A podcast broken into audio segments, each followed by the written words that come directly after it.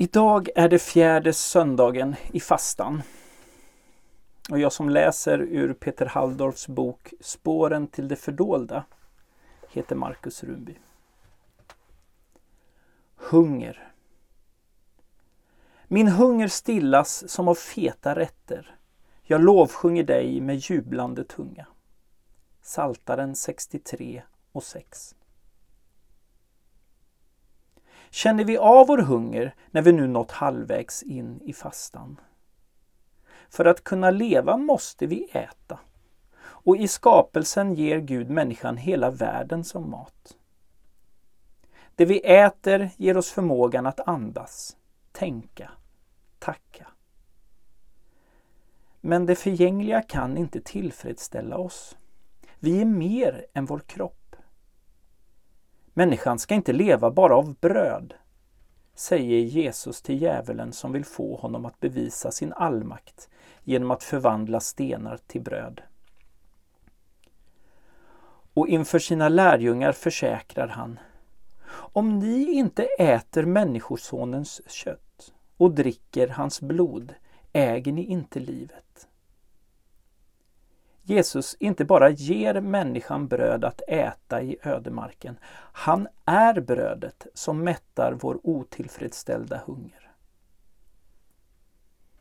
Den bibliska berättelsen om syndafallet är ett drama där människans ätande står i centrum. När hon äter av den frukt som inte är välsignad av Gud har hon inte längre gemenskap med skaparen, endast med skapelsen. Världen mister sin genomskinlighet.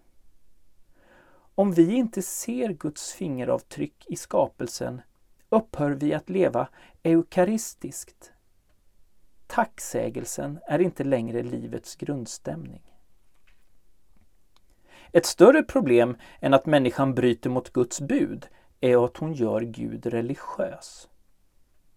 Hon börjar då leva som om det är fromma övningar i tempel och kyrka som har med det gudomliga att göra.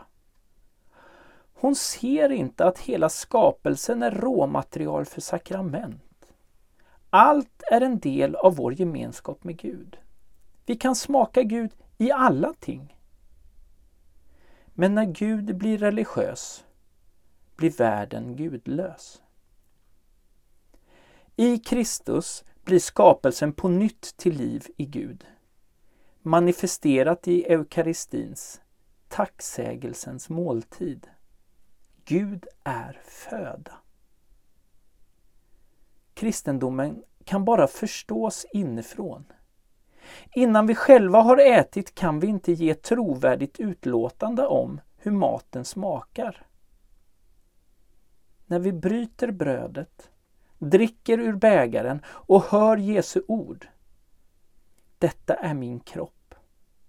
Detta är mitt blod. Förenas vi genom det som kommer från skapelsen med honom som är livet i allt liv. Endast den som smakat vet hur god Herren är. Vi ber tillsammans.